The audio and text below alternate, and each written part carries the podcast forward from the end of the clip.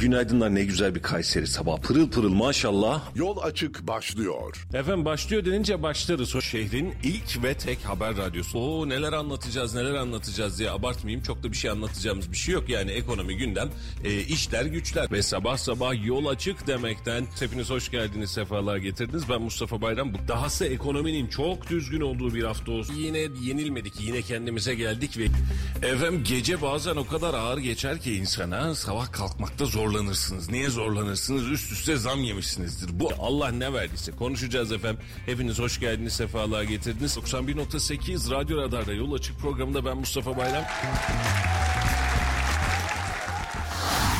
Radyo Radar yol açık başlıyor.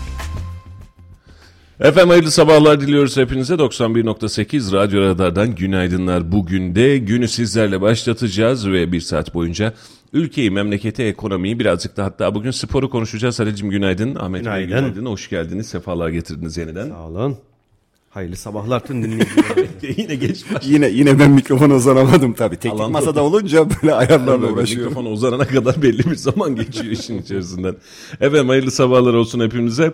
Dün akşam saatleri itibariyle Galatasaray'ın rakibini Ankara gücünü 4-1 yenmesi sonrasında Galatasaray şampiyonluğunu ilan etti. Ee, Pazar gün yaşamış olduğumuz sokak kutlamalarının bir benzerinde bugün dün itibariyle dün gece itibariyle yaşadık. Ee, Galatasaraylı taraftarlar sokaklara döküldü ve şampiyonluklarını kutladı. Galatasaraylıları tebrik ediyoruz. Teşekkür ederiz efendim, bir Galatasaraylı Hemen, hemen, hemen kabul edin değil mi? Galatasaray formalarıyla maç Tebrik- seyredenler. Tebrikleri kabul edebilirim hemen. Allah'tan bu sene şey gelmedi değil mi Ahmet Bey? Ben birazcık erken e, fişi çektim.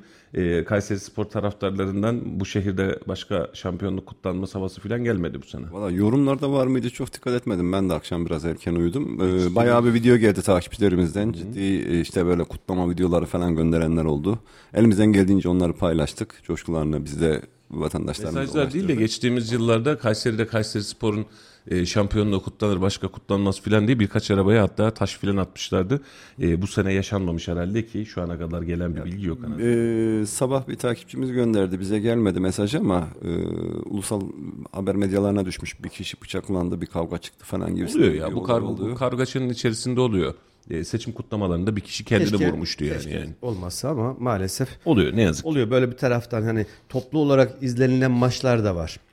Sadece Kayseri özelinde değil. Ee, şehir dışında birçok e, böyle bir kafe tarzı yerlerde bir tarafta işte atıyorum Galatasaraylılar izliyor. Bir tarafta Beşiktaşlılar izliyor. Ee, kendi maçlarını izliyorlar. Veya böyle derbi maçlarından sonra laflar karşılaşıyor ve kavgalar, gürültüler ve sonrasında istenmeyen görüntüler münferit ol- oluyor. Keşke olmasa ama maalesef böyle biz sevincimizi de hüznümüzü de böyle Biraz abartıyoruz. abartıyoruz. Maalesef Seviyoruz öyle abartıyoruz. işleri. Hayırlı olsun efendim. Neyse bu yani dün de sevindik. Bir daha önümüzdeki günlerde sevinecek bir şey kaldı mı? Yok kalmadı. Yok. Resmi Asgari- tatil falan da kalmadı. Asgari ücret açıklanacak ona sevineceğiz. Ona, ona bir davul zurna Bir yaparız. de emeklilerin e, 7500 üzeri alan önceden 5 5500 iken daha üzeri alanların bir mağduriyet durumu vardı.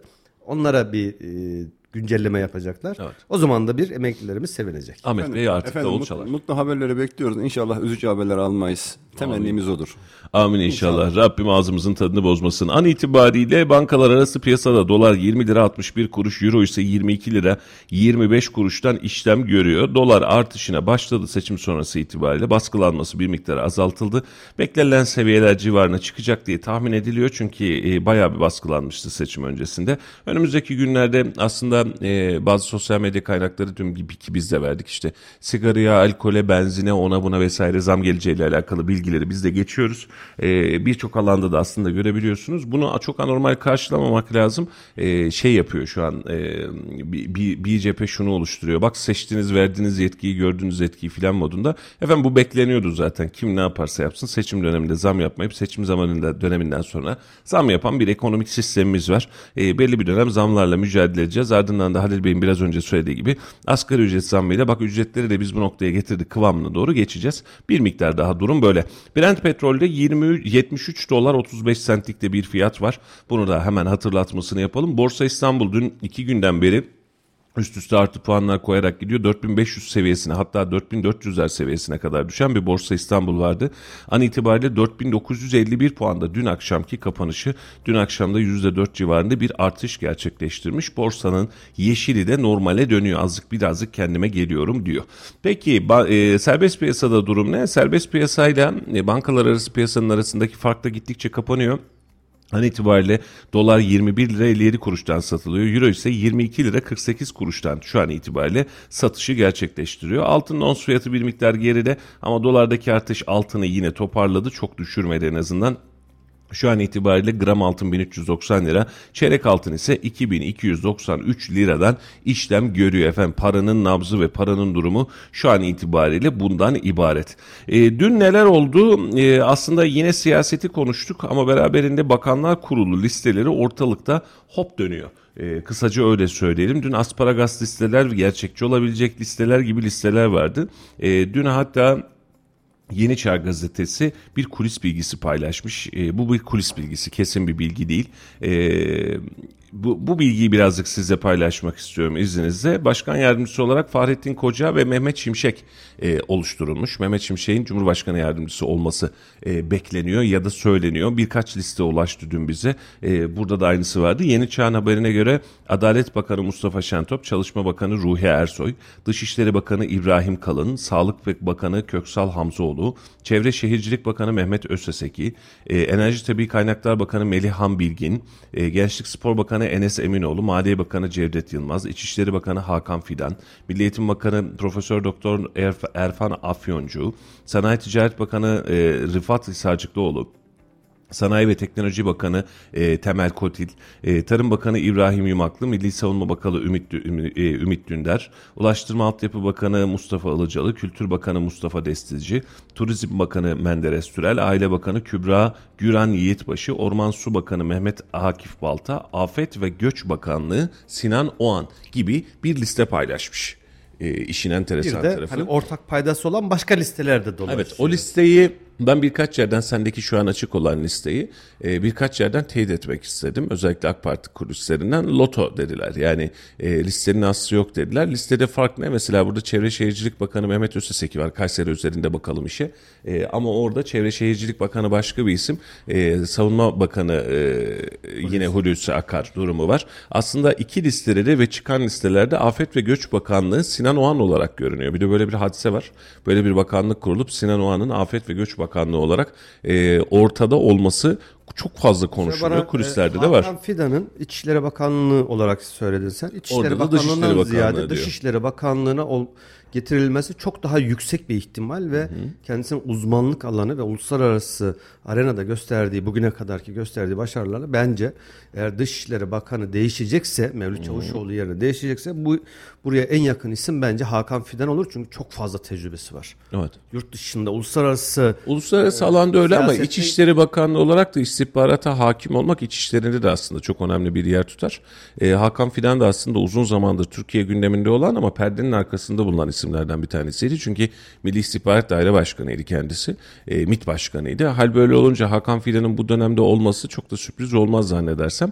Bir de e, biliyorsun AK Parti'nin şu an itibariyle bakanın milletvekili olması, milletvekilinin bakan olmaması gibi e, bir sorunumuz var. Bu sorunu kanunen çözersek başka bir dünya çıkıyor. Ama iki listede de eğer dikkat ettiysen e, bir listede Süleyman Soylu'ya Cumhurbaşkanı yardımcısı denmiş. Diğer listede Süleyman Soylu'nun ismi yok. Bence bu da önemli bir veri e, ne çıkacağıyla alakalı. Ama iki listede de e, şu an itibariyle e, Göç Bakanlığı olarak kurulur, kurulması düşünülen bakanlıkla Aferin. alakalı e, şey düşünülüyor. Sinan Oğan düşünülüyor. Bakalım e, bu listede hatta bir de Mustafa Destici Kültür Bakanı olarak da yer almış.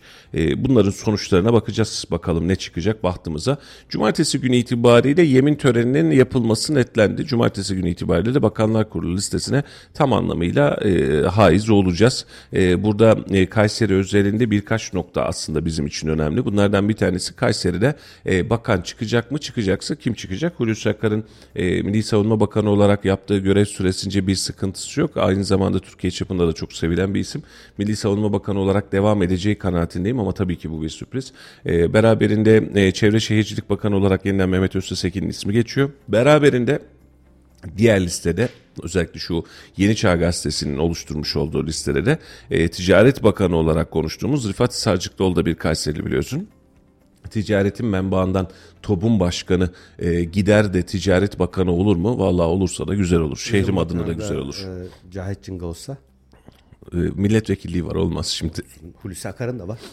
ya hepsini birden vermeyin. Birine kapı açılıyorsa Ya öbürlerine de kapı olur. açılıyor. Yani ben biz hangisine kötü Olmasın olur deriz. kabinede dört tane e, Kayserili milletvekili e, olsa bizim için gurur olmaz mı? Ki her biri de görevlerini layıkıyla yapacağından eminiz.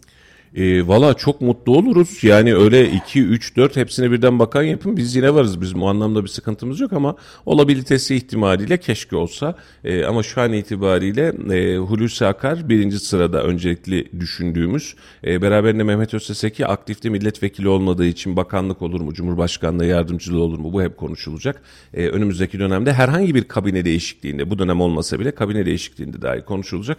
Beraberinde Rıfat Sarcıklıoğlu ismi bence e, önemli bir heyecan uyandırır. Ticaret Bakanı olarak Rıfat Sarcıklıoğlu'nun olması, TOB'un başkanı olan Rıfat Bey'in Ticaret Bakanı olması da aslında e, çok iyi bir örnekleme olur sivil toplumun siyasetteki yeri ve özellikle geride bıraktıkları birikimleri toparlamak adına. Bakalım Rabbim hakkımızda hayırlısını versin ama olursa da e, güzel olur ya. Bir de huzuruna da biz çalarız yani Kayserililer olarak bizim iki tane üç tane bakanımız var demek Hak keyifli ediyoruz. olmaz mı yani? olmasın? Valla bence de güzel olur. Ee, bakalım önümüzdeki dönemlerde gelişmeleri hep beraber göreceğiz. Efendim e, CHP'de durumlar hep merak edilen noktada. E, bununla alakalı Fatih Portakal açıklama, dün bir açıklama yapmıştı artık bıraksa mı filan diye. E, dün e, akşam saatleri itibariyle de yeni bir açıklama yapmış Fatih Portakal. Ben öğrendim siz de öğrenin Kemal Kılıçdaroğlu görevinde kalıyor demiş. Aslında dün aynısını benzerini tahmin etmiştik. Ne yazık ki e, ülkemizdeki siyaset ve demokrasi kazananın kaybedenin hata yapanın istifa edeceği görev bırakacağı, görev teslim edeceği değil. Daha çok ben görevimde devam ediyorum. Benim aslında şöyle şöyle de başarılım var diyeceği bir görev niteliği haline gelmiş oluyor. E, bugün yarın da muhtemelen Perşembe günü itibariyle onlarda da bir toplantı gerçekleşecek CHP'de. E, bakalım üzerindeki sonuçlar ne olacak? Başka bir unsur daha var. Buyurun. Altılı masayı oluşturan liderlerin tamamı meclis dışında. Hiçbiri meclise girmedi. Çünkü hepsi Cumhurbaşkanı yardımcısı ve Cumhurbaşkanı, olacaktı. yardımcısı ve bakan olacaklardı. Ee, ama maalesef e, hem Kılıçdaroğlu hem Meral Akşener hem DEVA hem Gelecek hem Saadet bunların liderleri. Demokrat Parti önemli Demokrat lütfen. Parti bunların hiçbiri e, mecliste e, yer alamayacaklar. İşin daha da değişik bir tarafı, ilginç tarafı dokunulmazlıkları yok. Bir hafta sonra ya da üç gün sonra tamamının bu altı kişinin birden liderin, altı liderin de dokunulmazlıkları kaldırılacak. Ha, şu var kanunen e, grup toplantılarında e, gruba başkanlık yapabiliyorlar.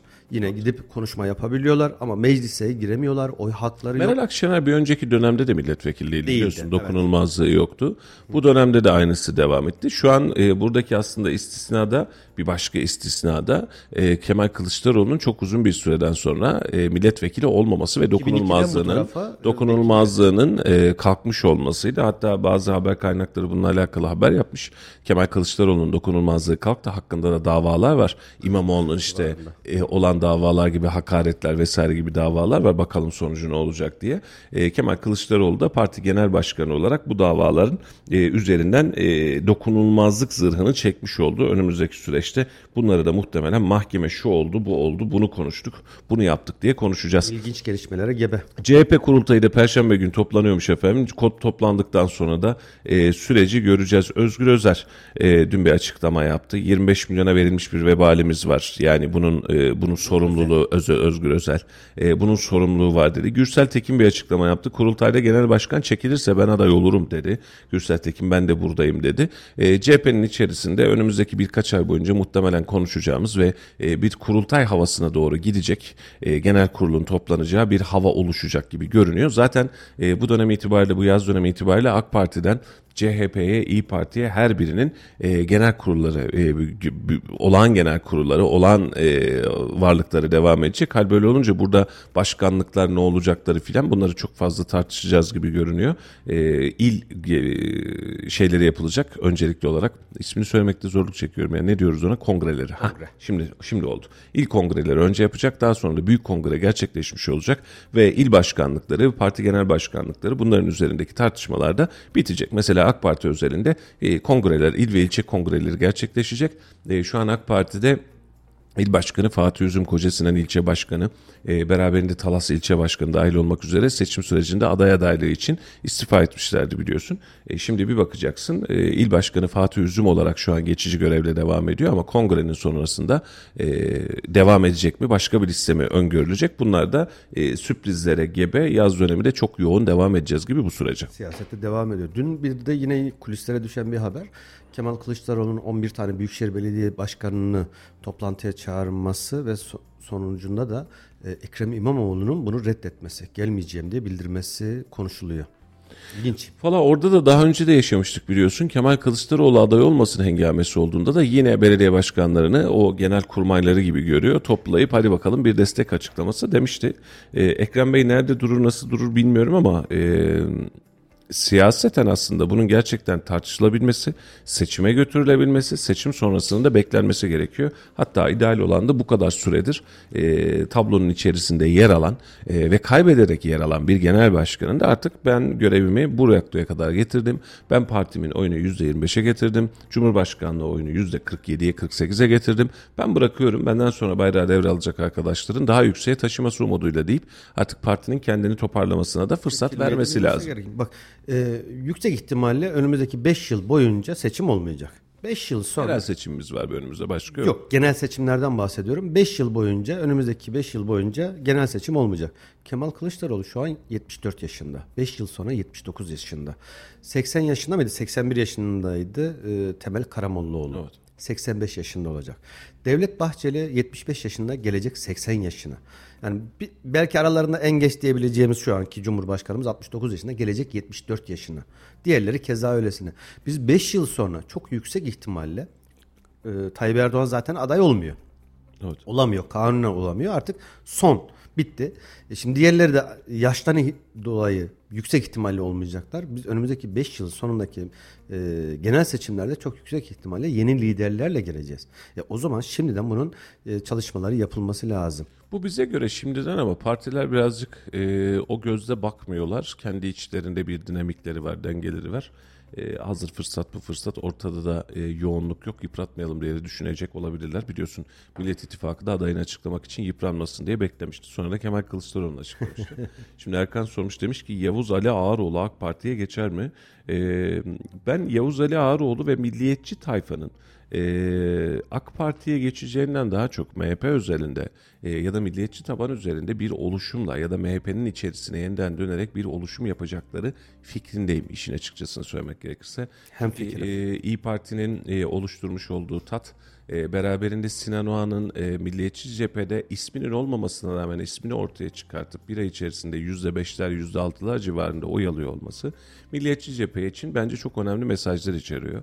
E, ve e, bu seçimde milliyetçi cephenin kazandığını aslında gösteriyor. Yani hesabını şöyle yap şimdi %10 civarında 10-11 civarında Milliyetçi Hareket Partisi %10 civarında İyi Parti %5 civarında Sinan Oğan e, ya da %3 küsür civarında e, Zafer Partisi bunların oylarının toplamına baktığında 27-28. ki, e, aynen öyle önemli bir cephe.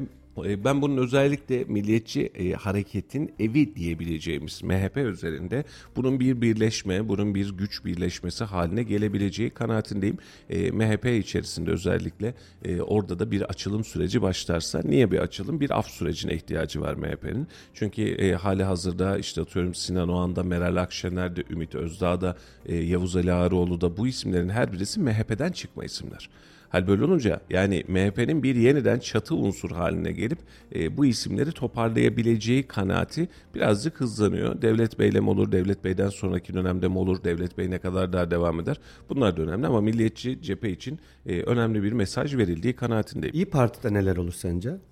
İyi Parti de e, şeye gidecek e, yine kurultay diyeyim e, genel Kongreye kongreye, gidecek. gidecek. Hah, daha doğru oldu söylemekte zorlanıyorum. İyi Parti de kongreye gidecek. Bu yaz döneminde kongresi var. İlk kongreleri yapılacak. Kayseri'de yapıldığı için yapılmayacak yeniden ilk kongresi belki ama diğer illerde ilk kongresi yapılacak. Sonra da büyük kongreye gidilecek. E, ben İyi Parti'nin e, çok ayakta durabilecek direnci sahip olabileceğini düşünmüyorum. Yavuz Ali Ağaroğlu gibi içeride e, farklı güç odakları da var İyi Parti'de.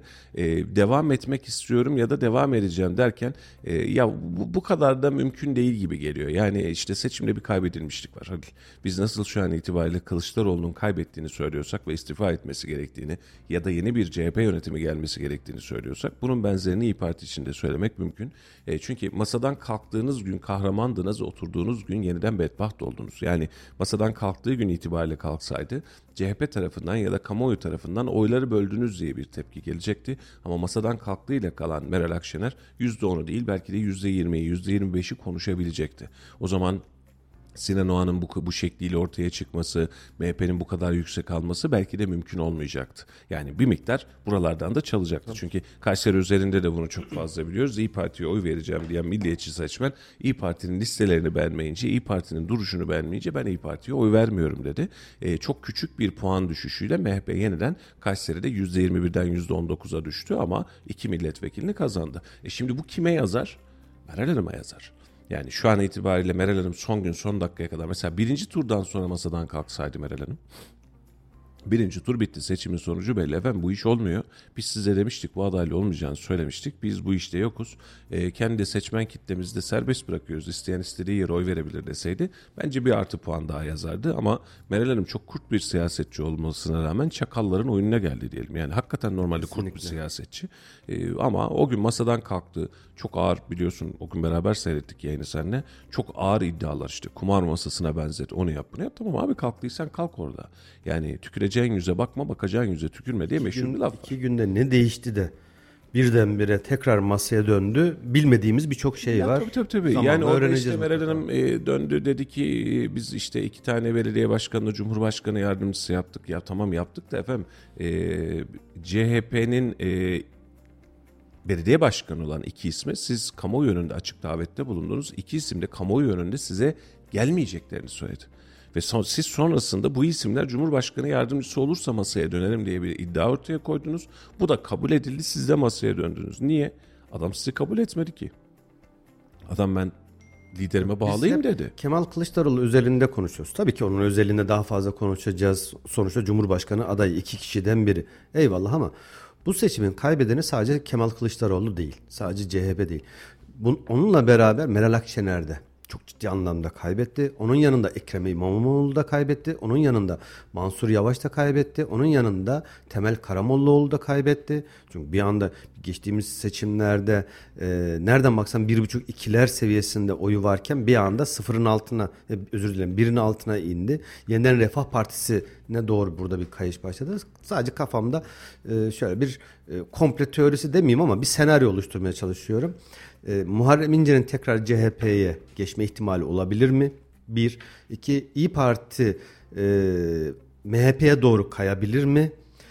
Diğer taraftan da sağ ya da muhafazakar, daha muhafazakar dediğimiz özellikle saadet tabanı yeniden refaha kaydını biliyoruz ama daha fazla kayar mı ve e, deva ile gelecek de tarihin tozlu sayfalarında yer alır mı? Sadece bir kafamda bir senaryo. Ama şimdi e, hayatlar, hayaller ve hayatlar diye bir süreç var. E, şöyle düşünelim.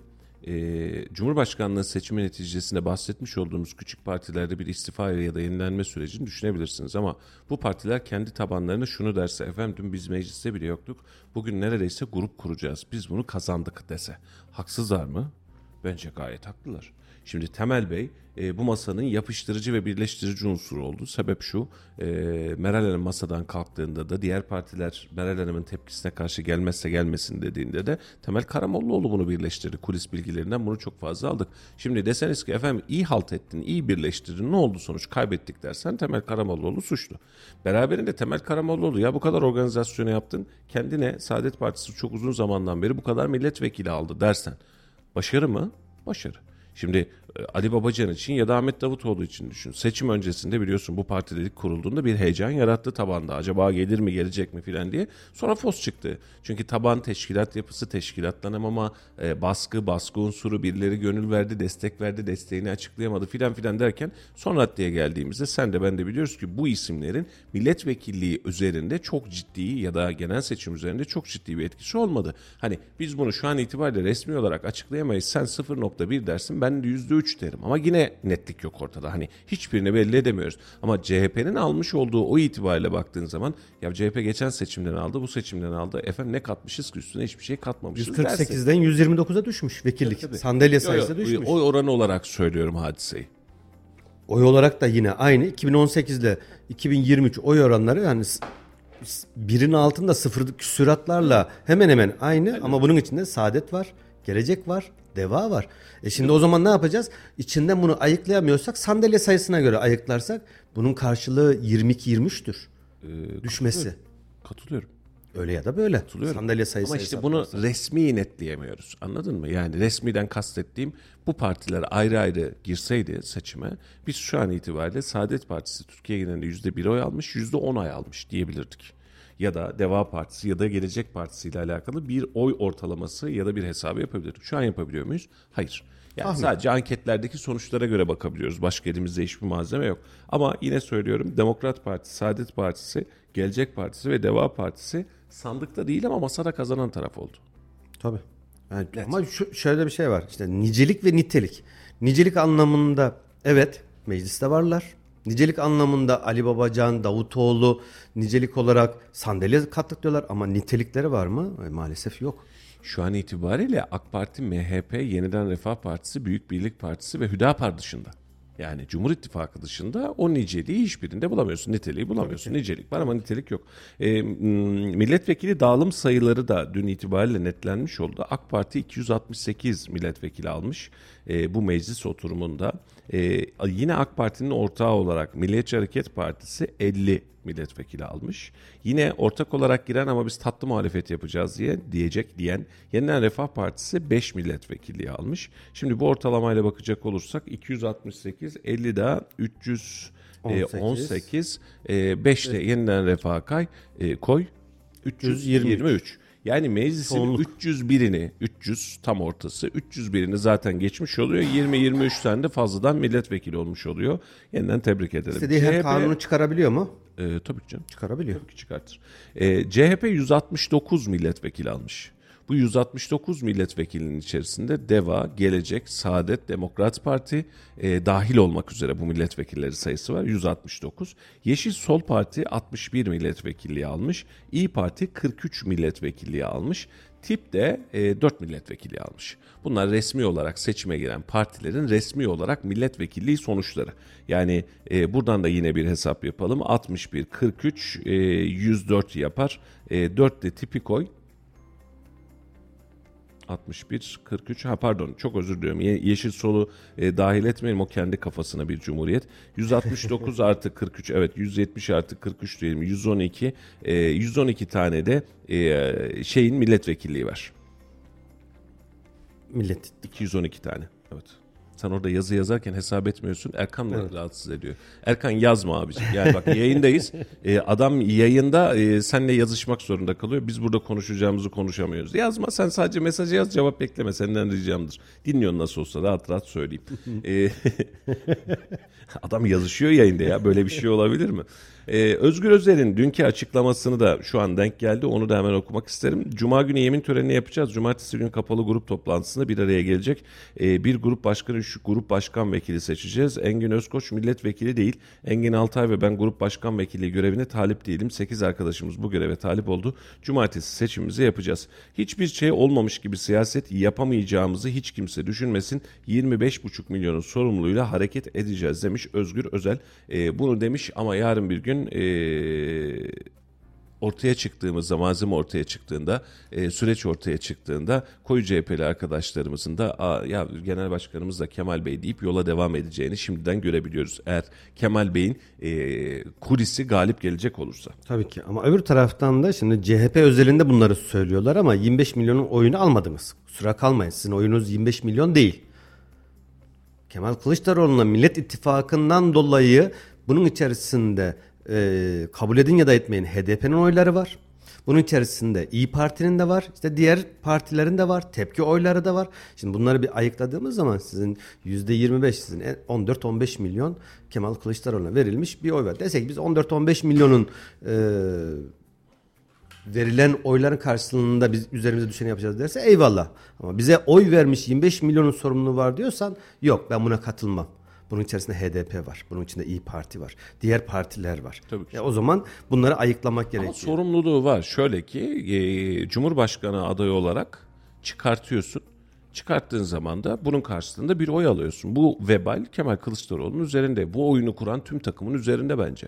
Yani 25 milyon oy sadece CHP'nindir demek anlamına değil ama 25 milyona karşı sen bir 25 milyonun oyunu e, almak için bir organizasyon yaptın. Yani %47 %48'den bahsediyoruz. Hani çok önemli bir rakam. Tabii ki. Yani Türkiye'nin yarısının neredeyse yarısının oyunu almış. Kastettiğim Yok, şey Dediğini çok iyi anladım. CHP özelinde çünkü şu açıklamaların hepsi artık bunlar ittifak olarak konuşulan mevzular değil. Yani orada hem e, Gürsel Tekin'in konuşması, İmamoğlu'nun konuşması, Özgür Özel'in konuşması Millet İttifakı adına konuşmuyorlar. Onların hepsi CHP özelinde konuşuyorlar. Artık şu saatten sonra ittifak cümleleri artık onlar için bitti. Yani her parti bir anlamda kendi derdine düşecek. Ama yok çok öyle olmuyor. Biz bir önceki seçimde de biliyorsun Millet İttifakı diye başladı. O Millet İttifakı hiç çözülmedi ya da Cumhur İttifakı hiç çözülmedi. İttifak olarak girdin. Normalde seçim içindir ittifak. Seçimden sonra ittifak modeli değişir. Herkes partisel olarak durur. Partisel olarak durdu ama dikkat edersen birbirleriyle o münakaşaları vesaireleri hiçbir zaman doğru düzgün olmadı ve e, rutin devam ettiler. Seni anlıyorum evet e, bu anlamda haklısın ama e, cümle Özgür Özel'in cümlesinde şöyle bir haklılık payı var. E, bu kadar 25 milyon insan oy verecek ve sen kazanamayacaksın. Bu kadar insanı hareketlendireceksin ve beceremeyeceksin. E, tabii ki bunun sorumluluğu da bir zahmet senin üstünde olsun. Tabii ki. Yani Yani ben- çok ben güzel ona- bir cümle vardır. Ee, dün de e, söyledim sanırım yanlış hatırlamıyorsam ya da Serbülent'le yaptığımız yerinde söyledim. Ordular kaybetmez, komutanlar kaybeder. Evet. E, bir bakıyorsun 5000 kişilik bir ordu 50 bin kişilik e, karşısında savaştığı bir orduyu yenebiliyor. Ama oradaki 5000 kişi değil o komutandır işte. O, yüz- o yüzden e, ordular yenilmez. Komutanlar yenilir. Burada da işte Meral Akşener, Kemal Kılıçdaroğlu bunlar yani biz önümüzdeki günlerde bir iki ay içerisinde bir hayli e, siyasete yine konuşuyor olacağız gibi geliyor bana. E, sanki bu konuşmayı yerel seçime kadar hiç bitirmeyeceğiz gibi de geliyor bana. E, ama ekonomiyi konuşma vakti e, derim. E, dün itibariyle Mehmet Şimşek e, ile konuşuldu. Cumhurbaşkanı ile bir araya geldi. E, ekonomi kulisleri de bundan kaynaklı da ciddi anlamda heyecanlandığı gerek borsa e, gerek e, mesela dün borsada banka hisseleri e, kaç gündür Tavan düşen yaptı. banka hisseleri tavan yaptı. Neredeyse günü kapattı. E, bunun sebebi de ekonominin başına ya da ekonomi yönetiminden sorumlu insanların aklı başında e, isimler olarak konuşuluyor olmasıydı. Aslında AK Parti e, kendini teyit ediyor. Yani seçim öncesi dönemde biliyorsun bunu çok konuştum. E, hatta ben Tayyip Erdoğan'ı da bu anlamda eleştirmiştim. Ya seçime iki ay var, üç ay var. Yani Nurettin Nebati ısrarı neden? Alın başka bir ismi getirin, piyasaya güven verin. Bak bir şeyler değişiyor en azından deyin dedim. Onların da demek ki kendilerine göre bir planı vardı. Bir şey diyemem. E, ama an itibariyle bakmış olduğunuz zaman başka bir isimle görüşülüyor olması bile biliyorsun seçim öncesinde de konuşulmuştu. Konuşuluyor olması bile Türkiye'deki ekonomik istikrarı ve ekonomik düzeni ha bir şeyler oluyor demek. Seçime bir ay getiriyor. kala ya aşağı yukarı veya 25 gün kala bile konuşmuştu. O bile heyecan oluşturmuştu. Ee, diğer taraftan mesela maliyenin ya da hazinenin başına geçecek Efkan Ala konuşuluyor. Ben şunu görüyorum şu anki yani hem bende bir liste var, siz, sende de bir liste var. Bunun birçoğu da ortak liste diyebiliriz. Yüksek ihtimalle bu isimleri biz kabinede göreceğiz. Ve bana şunu hatırlatıyor. O 2007 dönemindeki AK Parti Bakanlar Kurulu'nu yönetimini bana biraz hatırlatıyor. İçinde hakikaten çok değerli e, vekiller ve bakan adayları var. E, inşallah memleketimiz için hayırlı uğurlu olsun inşallah diyelim. Ama o değişimi biz Bakanlar Kurulu'na ciddi anlamda da hissedeceğiz. Burada e, önemli olan nokta bence şu Halil. E, Bakanlar Kurulu'nu çok nitelikli hale getirebiliriz. Ama Cumhurbaşkanı'nın Bakanlar Kurulu'na nüfuzunu birazcık düzenlememiz lazım. İlla ki. Yani bunu niye söylüyorum? Şimdi Bakanlar Kurulu'nda sadece senden emir alıp emredersiniz efendim diyecek insanlarla mı oluşturacağız? Bakanlar Kurulu'nu senle tartışıp sana doğru yolu gösteren insanlarla mı oluşturacağız? Bu kısım çok önemli. E, şimdi e, kimse kusuruma bakmasın. Önceki bakan e, arkadaşlarımız, abilerimiz de kusurumuza bakmasın. Ama bazı dönemlerde özellikle ekonomi modelinde bunu çok fazla yaşadık. E, Cumhurbaşkanının gözleri ışıl ışıl diyen ve e, 6 ay gözümüzü kapatırsak ülke çok iyi olacak diyen Geçtiğimiz yıl hatta 2 yıl önce Ocak ayında Cumhurbaşkanlığı ofisinden bu ay eksi enflasyon bekliyoruz diyen e, kendinde olmayan bir ekonomi yönetimi gördük. E, ve bunun karşısında Cumhurbaşkanı Recep Tayyip Erdoğan ekonomiyi ben biliyorum ben ekonomistim diyerek yola devam etti. E, ve yani şimdi seçim kazanılmış artık daha rahat konuşuyoruz. Efendim ekonomist olmadığınızı biz görüyoruz. Doğru mu? Ekonomistin, ekonominin başına bir ekonomist getirin. Artık Türkiye'nin ekonomik sistemini doğru düzgün yönetsin. Bunu niye söylüyoruz? Efendim bu kadar başarımız varken, bu kadar elimizde imkanımız varken, askeri savunma sanayinde, enerji sanayinde bu kadar iyi işler yapmışken, dış politikada müthiş işler yapmışken, yani şimdi e, Dışişleri Bakanımız Sayın Mevlüt Çavuşoğlu'nu hakikaten takdir etmemek mümkün değil. Sima olarak baktığınızda gülen böyle enteresan bir adam var. Bazen bana ilk başta hiç güven vermedi açık söylemek lazım. Ama dış politikada yapmış olduğumuz Cumhurbaşkanı'nın da bu anlamda çok ciddi tabii ki katkıları var. Ama Rusya-Ukrayna savaşındaki durduğumuz yer, e, sınır ötesi harekatlarda durduğumuz yer, Ermenistan meselesinde Azerbaycan'ın Ermenistan e, Ermenistan'ın ilhak ettiği toprakları yeniden alması noktasındaki durduğumuz yer itibariyle baktığında gerçekten son belki de 50 yılın en güçlü dış politikasını kurduk biz bu dönemde. Ve bu kadar verilen emeğin zayi olmaması için sadece bir ayakta değil, üç ayakta da, dört ayakta da, beş ayakta da bizim çok sağlıklı ilişkiler gerçekleştirmemiz gerekiyor. Bakanlar Kurulumuz gerçekten ümit verici bir bakanlar kurulu olur umarım. Ama beraberinde Cumhurbaşkanı Recep Tayyip Erdoğan'ın tabii ki siyasi bilgilerini ortaya koysun. Ama bunları yaparken lütfen ve mümkünse karşımıza çıkan tabloda bakanların kendi özgül ağırlıkları olsun. Gel bakayım buraya Muharrem kıvamına dönmesin bu iş. Yani bunu yaşadığımız zaman bizim bakana olan idealimiz ya da saygımız kalmıyor. Yani bakanlar Cumhurbaşkanı'nın onayı dışında ya da e, tedbiri dışında açıklama yapamıyor. Kendi konusuyla alakalı açıklama yapacakken bile topu Cumhurbaşkanı'na atıyor. Biz bu noktadan çıkmamız lazım. Çünkü Cumhurbaşkanı önemli bir kuvvet. Biz Cumhurbaşkanı'nı seçtik ama bakanlarımız da ülkeyi bu anlamda diri tutmak adına, politikaları uygulamak adına kendi özgür ağırlıklarıyla kendi bilimsel verilerini ortaya koymak zorunda derim. %100 katılıyorum. İlave olarak şunu söyleyeyim. Ee, yayının başında da söyledik. Artık Cumhurbaşkanımızın son yılı, son dönemi. Bundan sonra istese de yok. 5 yıl sonra bir daha siyaset hayatından e, geri dönmemek üzere tekrar geri çekilecek. Hayırlı ömürler dileyelim hepsine. Şimdi tabanda şu algı var. Hani Özal ve Süleyman Demirel'in o dönem Doğru Yol ve Ana, Anavatan Partisi'nde hayata veda etmeleri ya da siyaset arenasından çekilmesiyle birlikte düştüğü durumları gördük. Evet. Şimdi tabanda da AK Parti bundan 5 yıl önce de konuşuluyordu. Tayyip Erdoğan giderse AK Parti'ye ne olur? Bu soru var. Şimdi artık iyice ayyuka çıktı. Çünkü artık resmi olarak da biliyoruz. Evet. Olmayacağını, bir daha olmayacağını biliyoruz. Devamı yok. Devamı yok bu işin. O zaman AK Parti'yi 2028 e, seçimlerinde de temsil edecek ve devam edecek o kadroları, o gücü yerine gelecek e, halefini bizim artık yavaş yavaş görmeye başlamamız gerektiğini de insanlar bunu farkında evet. düşünüyorlar ve istiyorlar. Söylediğin gibi artık bakanlar kurulundaki kişilerin de kendi o söylediğin gibi özgür ağırlıklarını daha kendilerine güven ortamında kendi kararlarıyla e, sunumlarını yapmasını insanlar bekleyecektir. Hı hı. Cumhurbaşkanımızın teveccühüyle diye başlanmayan cümleleri duymak isteyeceklerdir. Çünkü artık Tayyip Erdoğan olmayacak ya 5 yıl sonra yok bir daha bitti. Bir de gerçekten futbolu hani, bırakacak e, tabiri caizse. önce çok güzel bir şey söyledi. Seçimden önce de bundan çok rahatsız olmuştuk. İşte Cumhurbaşkanımızın teveccühleriyle, talepleriyle, istekleriyle, görevden affı, tensipleriyle, görevden affımızı diliyoruz filan. Ya e, tabii ki Cumhurbaşkanına saygı duyuyor kardeşim. Yani oy vermeyen insan da Cumhurbaşkanı'na Cumhurbaşkanı olarak saygı duysun. Çünkü bu bu ülkenin Cumhurbaşkanı. Sen sev sevme. Seçim sistemi bu. Kazanmış mı kazanmış. Hani diyor ya adam kazandı. Adam kazandı efendim. bu memleketin Cumhurbaşkanı. Saygı duymak zorundasın. Ama bunu e, tabiri caizse ilahlaştırmak ve olmazsa böyle demek yerine dediğin gibi daha nitelikli, daha aklı başında, daha durduğu yeri bilen, parti politikalarıyla ya da Cumhurbaşkanı'nın ülkeyi koymuş olduğu politikalarla ters düşme buna bir itirazım yok ama aklı başında da bir süreç oluştur ve biz de bir bakan geliyor dediğimiz zaman bakan mı adı neymiş demeyelim. Bu bakan diyelim, o bakan bey biliyoruz diyelim. Şimdi severler sevmezler Süleyman Soylu'nun yıllara sahip böyle bir ağırlığı oluştu biliyorsun şimdi. Süleyman Soylu bilinen işte e, pandemi döneminde Sayın Fahrettin Koca, Süleyman Soylu, Dışişleri Bakanı Mevlüt Çavuşoğlu. Bak biz bu bakanların isimlerini biliyoruz ve bir ağırlıkları var. Özgür ağırlıkları var. Hulusi Akar. Hulusi Akar, Hakiza. Evet, şimdi bir taraftan da diğer bakanlıklara bak. Yani işte Aile Sosyal Politikalar Bakanı diyorsun.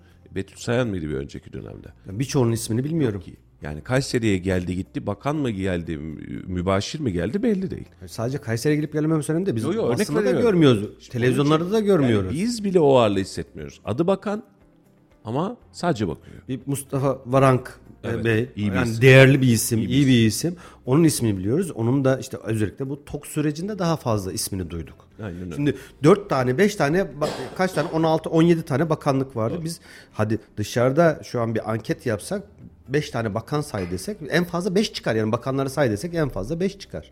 İşte bu çıkar, da çıkar. bakanların ağırlığının oluşması gerektiği kanaatini gösteriyor. Bakanlar ağır olmalı, e, ağırlığını hissettirmeli ve bu anlamda da piyasaya Aa, evet bak burada e, bir bakanlık oluşmalı, bir bakanlık var olmalı denmeli. E, ne demiş? E, AK Parti kendi içinde alternatif lider çıkarmazsa milliyetçiler, muhafazakarlar ve solcular birer partide birleşip AK Parti'nin yerine farklı parti geçer demiş. Halil Bey'in fikriyle aynı fikirdeyim demiş Feridun Bey. E, onun da böyle bir yorumu var. Yo ben de katılıyorum %100. Hem O da fikiriz. size katılıyor zaten. Teşekkürler. Sel- gidiyorsunuz bakalım. Selamlarımı iletiyorum Feridun Bey'e. Mutlaka ama mutlaka biz ha ben bunu da şunu söyleyeyim. Ee, Tayyip Erdoğan'ın yerine kim geçer dersen böyle çok böyle komple teorisi de kurmak istemiyorum ama aklıma gelen isimlerden bir tanesi Selçuk Bayraktar. Ama bugün için ortaya çıkacak Ya söylem gerçekleştirecek değil. e, 3 yıl sonra biz ismini daha fazla duyar hale geleceğiz. Bu ismi eğer siz karşılığını görmek istiyorsanız biz şurada yanılıyoruz. Selçuk Bayraktar Baykar'ın başında İHA'ları ve SİHA'ları yaparken teknolojinin başında müthiş bir adam. Bak gerçekten müthiş bir adam. Türkiye'nin herhalde diyebilirim ki %80'i %90'ı Selçuk Bayraktar'a karşı sempati duyuyordur ve seviyordur.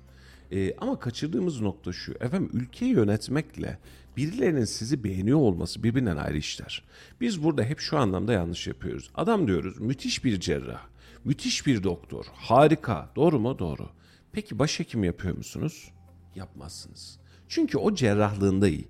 Başhekim yaparsanız o cerrahi uygulamada sana aynı verimi vermez. Selçuk Bayraktar ismi e, Türkiye'ye damat olmaktan çıkarak yani şimdi o da bir damat. E, bir- bir önceki dönemdeki Berat Berat, Albayrak. Albayrak da damattı. Şimdi bir damat nerede bir damat nerede? Selçuk Bayraktar'ı millet seviyor, insanlar seviyor. Yaptığı işler etkili ama bu e, teknolojinin başında ve teknoloji bakanı yapar mıyız Selçuk Bayraktar'ı bunu anlarım. Bu bile zul olur o adama. Çünkü kendi yaptığı işte dünyaya nam saldı adam. Şimdi e, Mustafa Varank çok iyi bir bakan. Çok da sempatik bir yüzü var. Kafası da iyi çalışıyor. Kafa zihni sihir böyle. Yani Topla öyle. yarışa giriyor. Kapışıyoruz mu diyor. Ama beraberinde şöyle bak. Siz Mustafa Varank'ı herhangi bir icat, herhangi bir işletmenin başında aynı etkide görür müsünüz? Şimdi Mustafa Varank bakanın Selçuk Bayraktar Baykar'ın başındaki insan. Selçuk Bayraktar dünya genelinde daha meşhur. Kesinlikle. Şimdi kimi ne kadar fazla seviyoruz? Sevdiğimiz insanlar bu işin başında olsun dersek bu şuna benziyor Halicim. Hani siyaset sanat dünyasından insanlar devşirirdi ya ara ara. İbrahim Tatlıses'i almaya çalışır, öbürünü almaya. Yani örnek veriyorum. Hani geçtiğimiz yıllarda anketleri vardı. Şimdi o kadar popülaritesi kalmadı ama Acun Ilıcalı Türkiye'de en çok bilinen isimlerden bir tanesi mesela. Acun Ilıcalı'yı Cumhurbaşkanı mı yapalım? Siyasete mi atalım? E seviliyor adam. Bak işinde de çok başarılı ha. Popüler de. Ama mesele bu değil. Yani bu mantıkta e, Selçuk Bayraktar'ı Cumhurbaşkanı yapmaya çalışmak, Cumhurbaşkanı'nın alternatifi yapmaya çalışmak Selçuk Bayraktar'ın kendisine bence e, önemli düzlemde sıkıntı yaratır. E, hakarettir demeyeyim yanlış anlaşılır işin içerisinde ama Selçuk Bayraktar bu değil. Selçuk Bayraktar teknolojinin kendi ekibinin başında, gençlerin başında, e, teknofestlerin başında çok çok daha etkili ve Türkiye'ye çok çok daha fazla şey katıyor.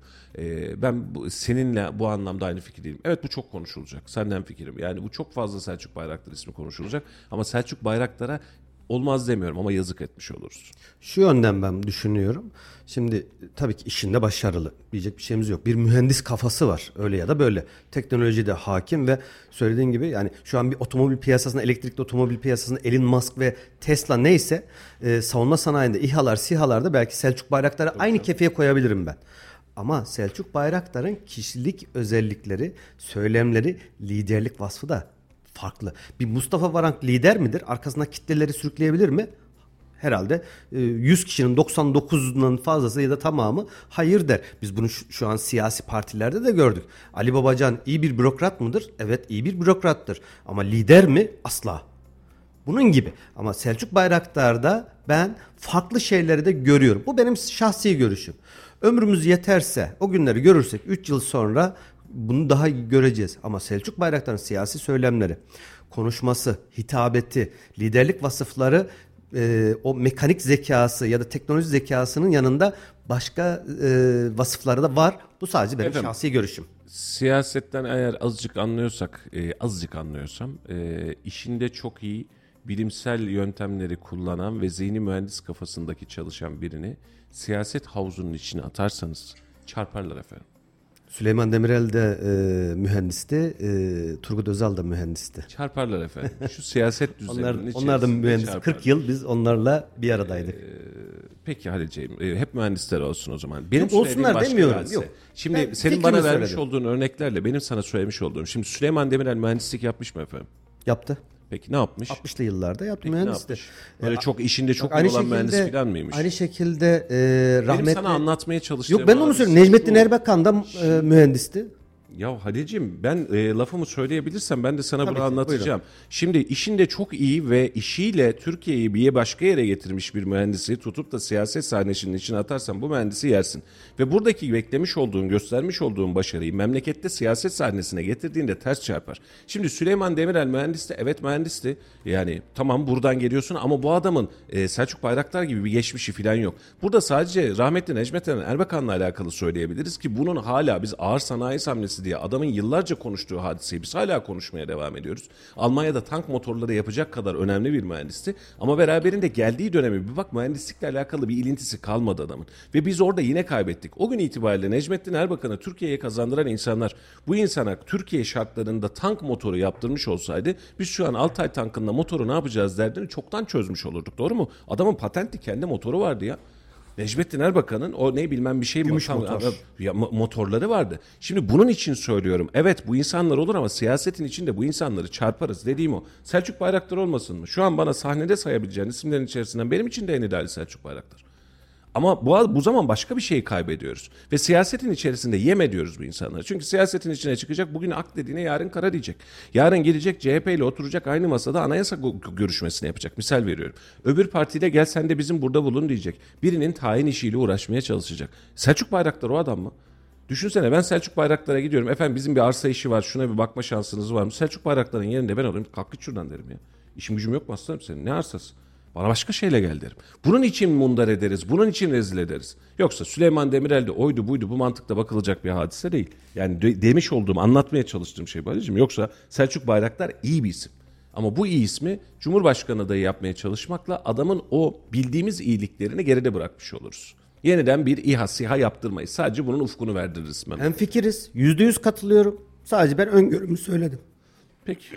Dediniz biz de karşılığını söyledik efendim. Hayırlı uğurlu Eyvallah. olsun. Nasıl, Hayırlı olsun. Nasıl, nasıl diyorsanız efendim. Ee, memleketteki durum bu. Ee, yavaş yavaş da artık Kayseri'de de yerel seçim ve yerel siyaseti konuşacağımız günler geliyor sevgili dostlar. Önümüzdeki günlerde ne kadar bunu konuşuruz, ne kadar netleşiriz ee, bunu çok fazla bilmiyorum ama dün itibariyle e, asayiş bazında diyebilelim, ahlak bazında diyelim gıcık bir olayla karşı karşıya kaldık. Arkadaşlar sonradan gönderdi. Ee, küçük bir kız çocuğu alkollü masada e, oynatılırken görüntülenmiş. Bunu da birileri sosyal medyada paylaşmış.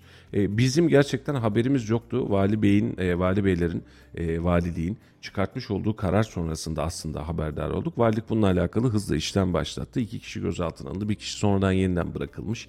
İşte babası gözaltına alınmış. Görüntüyü ilk yayan veteriner bir arkadaşmış herhalde. E, o gözaltına alınmış. E, işin kötü tarafı şu. Tablo çok kötü. Küçük yani minnacık el kadar bir kız çocuğu. Alkolün bulunduğu, hınca hınç erkeğin bulunduğu bir masada e, oynatıyorsun. E, şimdi e, oynatan kitlenin kültürü itibariyle evet ne var ki çocuk oynar burada diyebilir. Buna sapıkça yüz, gözle de bakmayabilir. Bu ayrı bir hadise ama tablo e, tüm Türkiye için ne oluyor kardeşim burada dedirten Ulusal halde. basına da düştü bir hayli. Ama işin kötü oldu. tarafı şu. E, valilik gereğini yapmış ama kanun gereğini yapamıyor. Ne diye ceza vereceksin?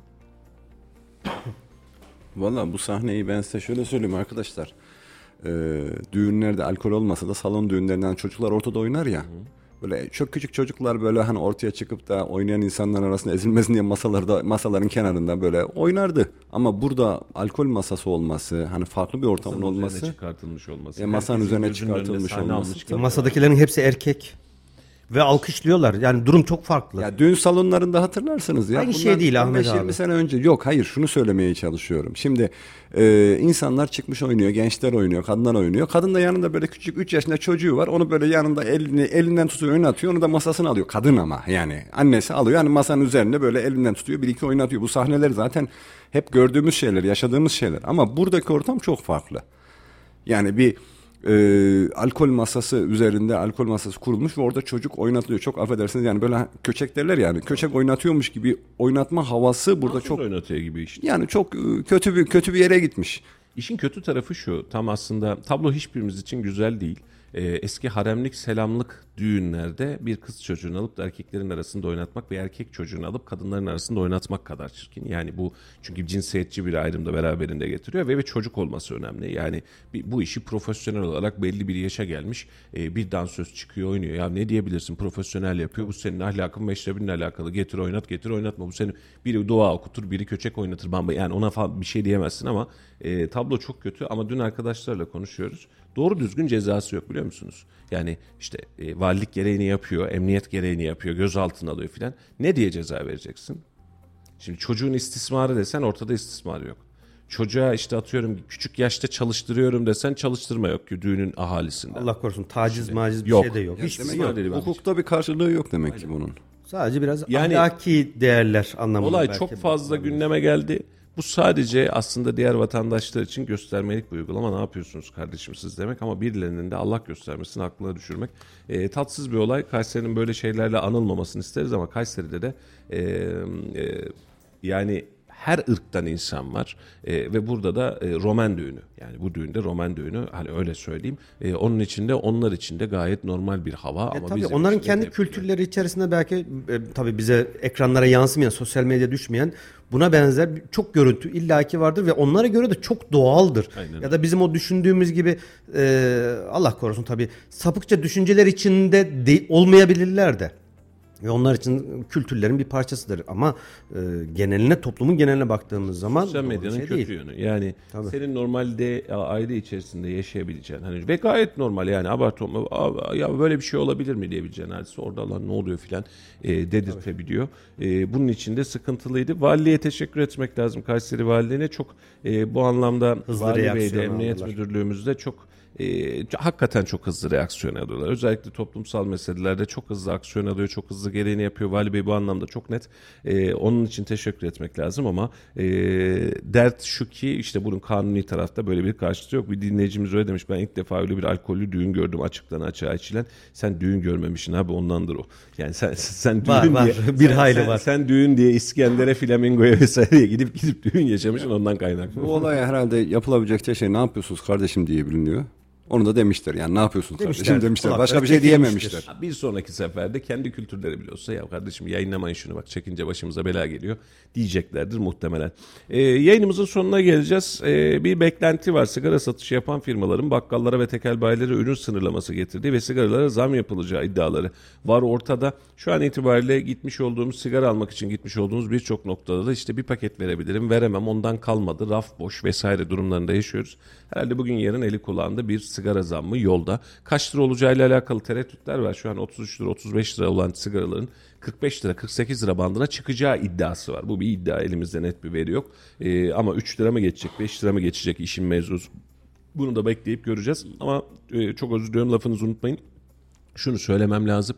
Seçim sonrasında bir zam dalgası yaşayacağımız seçimden bir ay iki ay öncesinde aşikar yani kimse bu anlamda efendim buna da zam gelmiş filan ya zaten böyleydi. Yani fiyatlar baskılandı. Yapılacak zamlar bekletildi. Aman dokunmayın dendi. Aman şunu yapmayın dendi.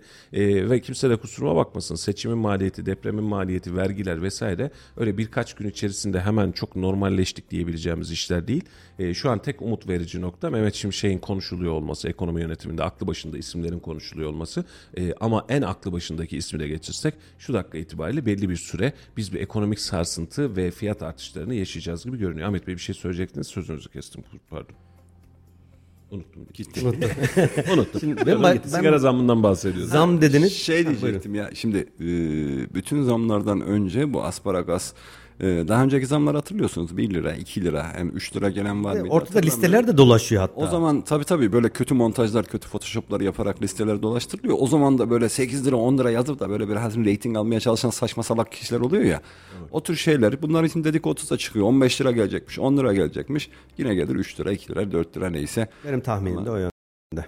Yani daha fazla olacağını ben tahmin etmiyorum. Daha öncekilerde de aynısını yaşadık çünkü. sigara tiryakisinin net cevabı. Gelsin gelsin de içen içmeyen belli olsun.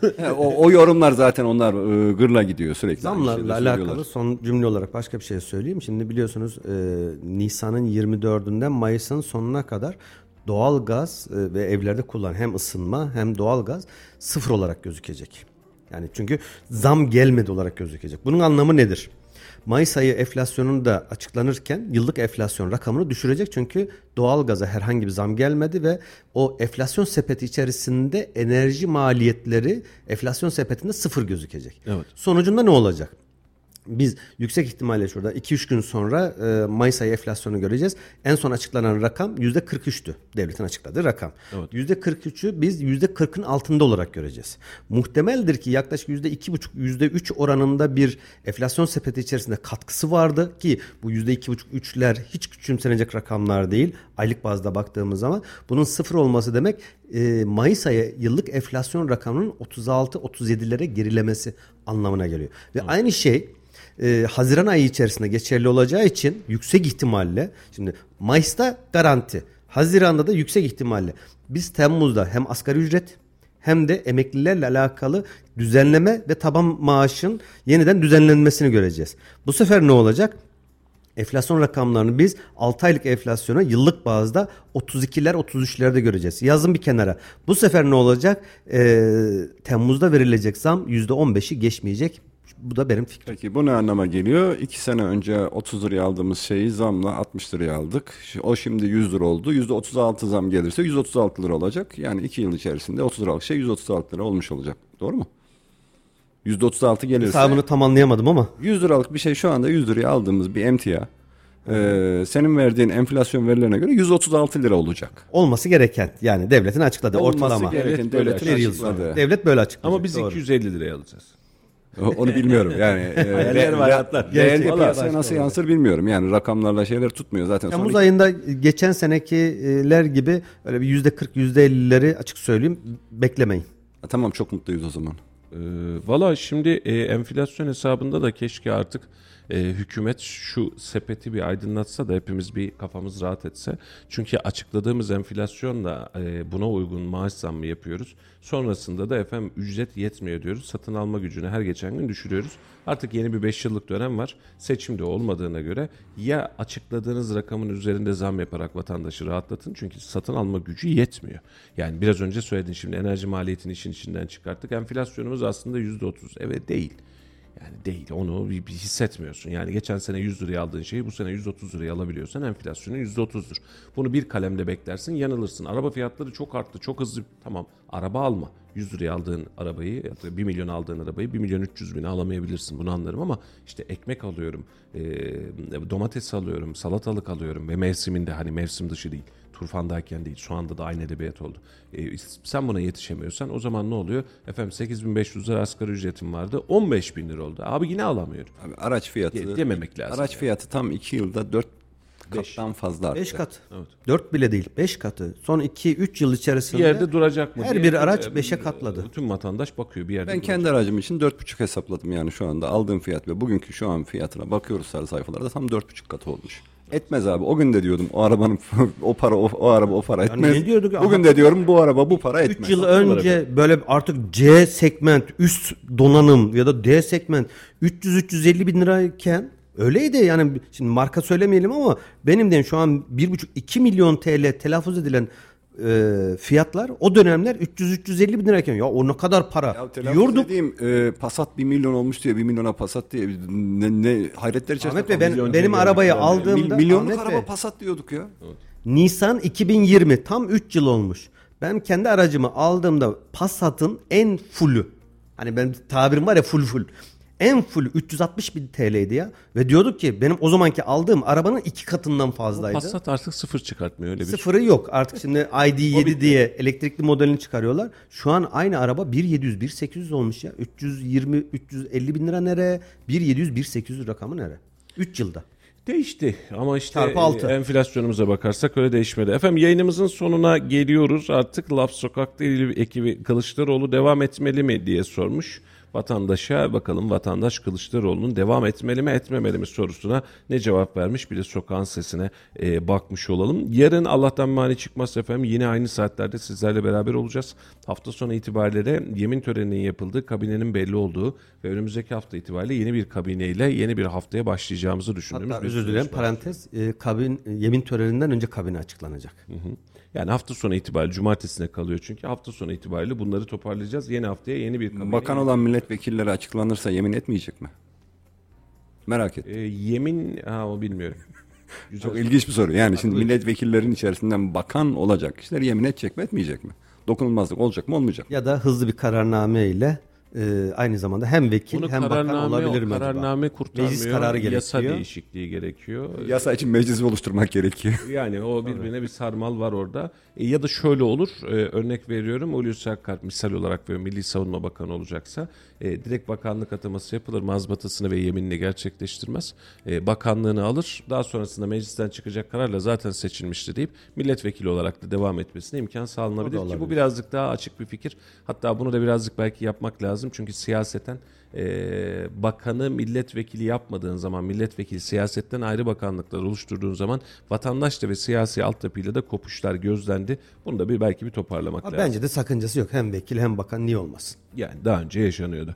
Efendim sokağa sorduk Kılıçdaroğlu devam etmeli mi? Bu sorunun cevabını hep beraber dinleyelim. Yarın yine aynı saatlerde sizlerle birlikte olacağız efendim. Yeni yayınlarda ve mutlu haberlerde görüşmek üzere. Hoşçakalın. Hoşçakalın. Hoşçakalın.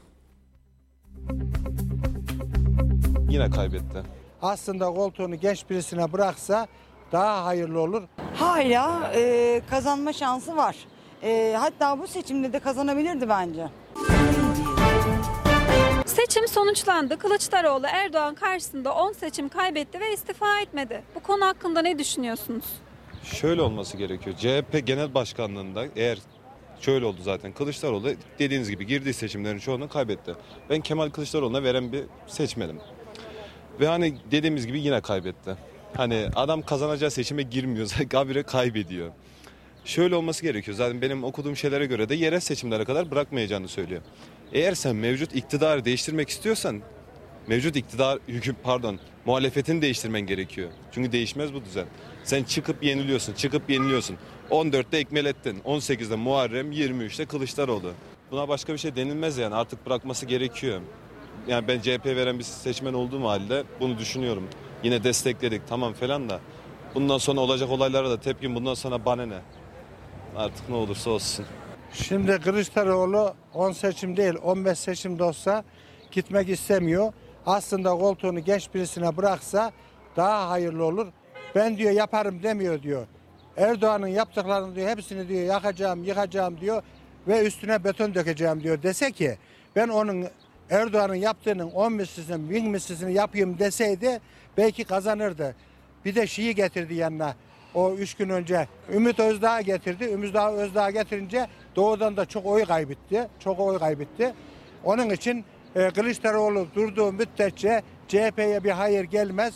Koltuğunda bırakma şimdi diyormuş ki e, belediye seçimine kadar duracağım diyormuş. Ne olursa olsun bu koltuğu bırakmak istiyor. Eğer CHP lideri o koltukta durduğu müddetçe CHP 10, 10 seçim, değil 11 tane 11 20 tane de olsa kazanamaz. Hala e, kazanma şansı var. E, hatta bu seçimde de kazanabilirdi bence. E, bütün Türkiye e, Erdoğan'ın elinde diyebilirim. Yani e, medyasından tutalım, yani hukuktan tutalım. Her şey onun elinde. Bu oyda da bazı şeyler olmuştur eminim. Yoksa çoğu insan artık Kılıç, Kılıçdaroğlu diyor. Değişim şart. İçin değişim ölürüz de öldürürüz ol-. Tabii tabii tabii. E, Tabii ne demek ne demek. Tay, Tayyip için ne ölürüm ne öldürürüm. Hiçbir şey yapmam beyefendinin dediği gibi. Ee, ben toprağımı düşünürüm, ben devletimi, milletimi düşünürüm sonuna kadar ve e, ben İstanbul'da yaşarken e, evet hayır oyunda tek adam rejiminde elektrikler kesildi. İstanbul'da yaşıyordum ben. 7 yıldır 6 yıldır Kayseri'deyim. Görmediğim şeyler kalmadı. Yani bunda da vardır bir oyun diyorum. Başka hiçbir şey demiyorum. Tabii ki Kılıçdaroğlu. Bence de istifa etmesin. Doğru bildiğinin peşinde koşsun. Kötü konuşmak istemiyorum. Benim adım da Tayyip. Yani yıllardır AK Partiliyim. AK Parti'den de vazgeçmeyi düşünmüyorum. Yani neden diye sorarsanız ya bir adam konuşmayı beceremiyor yani. Bir, diğer ülkelere karşı adamın dik duruşu farklı, şeysi farklı yani. Bir Tayyip'in otoriteri var yani. Kılıçdaroğlu bir liderlik vasfı hiç yok yani. Liderlik vasfı denen bir şey yok. Kaybedeceğini biliyordu deprem bölgesinden dolayı. Ne bileyim ekonomi kötü. Belki bir ihtimal kazanırım diye. Kondu yani diğer Mansur Yavaş falan koysalardı belki bir ihtimal vardı da Kılıçdaroğlu'nun hiç ihtimali yoktu. istifa etmesi gerekiyor. Yakışanıyor yani. Neden? Boyuna kaybı. Tayyip'i tepe gitmek lazım.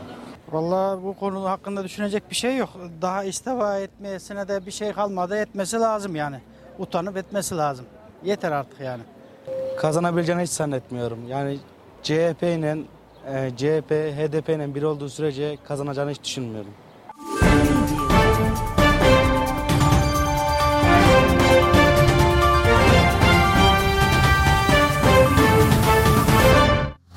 Radyo Radar yol açık sona erdi.